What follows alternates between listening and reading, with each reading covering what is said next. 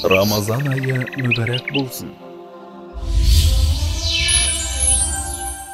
Бисмиллахир-рахманир-рахим. Алхамдулиллахи раббил аламин. Уссалату уссаламу аля расулина Мухаммад ва аля алихи ва сахбихи ажмаин. Ассаламу алейкум, құрметті көрермендер. Алла Тағала жасап жатқан құлшылықтарыңызды, қылған дұғаларыңызды қабыл етсін. Біз бүгін өзіміздің мешітте және Қазақстан аумағындағы мешіттерде оқылып жатқан тарауих намаздардағы сүрелерге тоқталатын боламыз. Бүгінгі біздің сөз еткелі отырған сүреміз құран кәрімнің төртінші жүзіндегі али имран сүресі болмақ.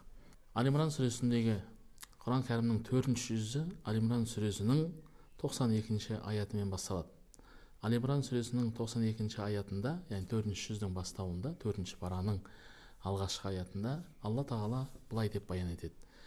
Сендер өздеріңнің жақсы көрген нәрселеріңді алла жолында жұмсамайынша алланың рахымына мейіріміне жәннатына қол жеткізе алмайсыңдар дейді. Яғни алла тағалаға алла тағаланың разылығы үшін қандай да бір малды сарп еткісі келген адам өзінің сүйген малынан дүние мүлкінің жақсысынан жұмсауы керек екен. Бұдан кейін алла тағала адамдарды бұдан кейін алла тағала әхлі кітапты ибраһим пайғамбардың ибраһим алейхисаламның дінін ұстануға шақырады. Осы аяттардан кейін алла тағала жер бетінде тұңғыш құлшылық үйі ретіндегі ең алғашқы үйдің құлшылық орнының меккедегі әл харам мешіті екендігін қағба екендігін баян етеді.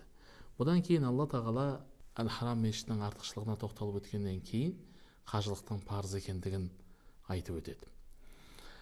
Сонымен қатар алла тағала бұдан кейінгі аяттарда мұсылмандардың әхлі кітапқа деген қарым қатынасының қалай болу керек екендігін егжейлі тегжейлі баяндайды.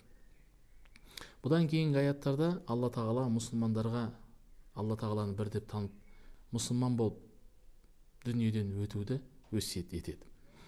Бұдан кейін алла тағала алланың дініне бекем ұстанудың маңыздылығын айтады. Алланың дін, дініне алланың жібіне барлығымыз біртұтас дінді бекем ұстанып керектігін ерекше атап өтеді. Осы аяттан кейін алла тағала мұсылман үмметінің ішінен жақсылыққа шақырып жамандықтан тыятын бір топтың болу керектігіне тоқталып өтеді. Яғни жақсылыққа шақырып жамандықтан тыюдың ерекше бір іс екендігін мұсылман қоғам үшін үлкен бір маңыздылығы бар екендігіне ерекше тоқталып өтеді. Бұдан кейін алла тағала мұсылмандарды бөлінбеуге шақырады. Басқа діндегілер секілді атап айтсақ әхіл кітап христиандар мен яхудилер секілді әртүрлі топқа бөлінбеуге шақырады.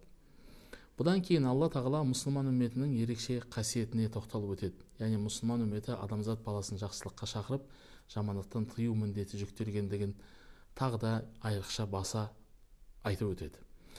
Бұдан кейін алла тағала пайғамбарымыз саллаллаху алейхи уассалам қатысқан ухуд шайқасы жайында тоқталып өтеді. Ухуд шайқасында болған әртүрлі жайттарға тоқталып өтеді. Мұсылмандардың қандай күйде болғандығын айтып өтеді. Бұдан кейін алла тағала өсімнің харам екендігін тағы да айтып өтеді. Өткен сабағымызда айтқанымыз секілді бақара сүресінде алла тағала өсімнің харам екендігін айтқан. Бұл аятта тағы да өсімнің харам екендігін тағы бір мәрте мұсылмандардың есіне түсіреді. Бұдан кейін алла тағала алладан қорқатын тақуа құлдарға жәннатта қандай сый нәсіп етілгендігін тақуалардың қалай болатындығын олардың әрдайым жақсылыққа шақырып жамандықтан тыятындықтарын олардың қандай да бір күнә істегенде аллаға дереу тәубе ететіндіктерін адамдардың қателіктерін кешіре білетіндер. Және сонымен қатар өзінің ашуын жұта білетін ашуын тежей білетін жандар болатындығын ерекше айрықша айтып өтеді. Бұдан кейін мұсылмандарды алла тағала әхлі кітап түскен қателіктерге түспеуге шақырады бірнеше аяттар бойы. Бұлардан кейін алла тағала алла тағаланы отырып тұрып әртүрлі жағдайда жадынан шығармай әрдайым зікір ететіндер жайында сөз қозғайды. Оларға дайындалған сыйды айтады.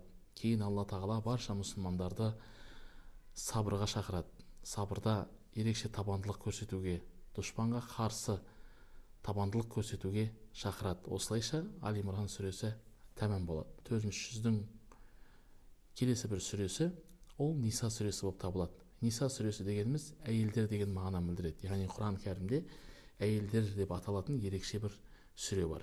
Сүренің бұлай деп аталуының себебі әйелдер құқығына көп тоқталғандықтан және сүренің ішіне ниса яғни әйелдер деген сөздің бар екендігіне қатысты болып отыр. Ниса сүресіне ең әуелі алла тағала барша адамзат баласының бір адам алейхисалам мен хауанадан тарағандығын баса айтады. Және оларды бірнеше ру ру еткендігін осыны жасаған алла тағаладан қорқу керектігін баса айтады. Бұдан кейін алла тағала жетімдер мәселесіне ерекше тоқталады. Жетімнің малын жеуге болмайтындығы жетімнің малын жеудің харам екендігіне тоқталып өтеді. Бұдан кейін алла тағала ердің әйелге төлейтін қалыңмалы яғни мәһір жайында сөз қозғайды. Мәһірді егер әйел разылық танытса күйеуі жұмсай алатындығын баян етеді.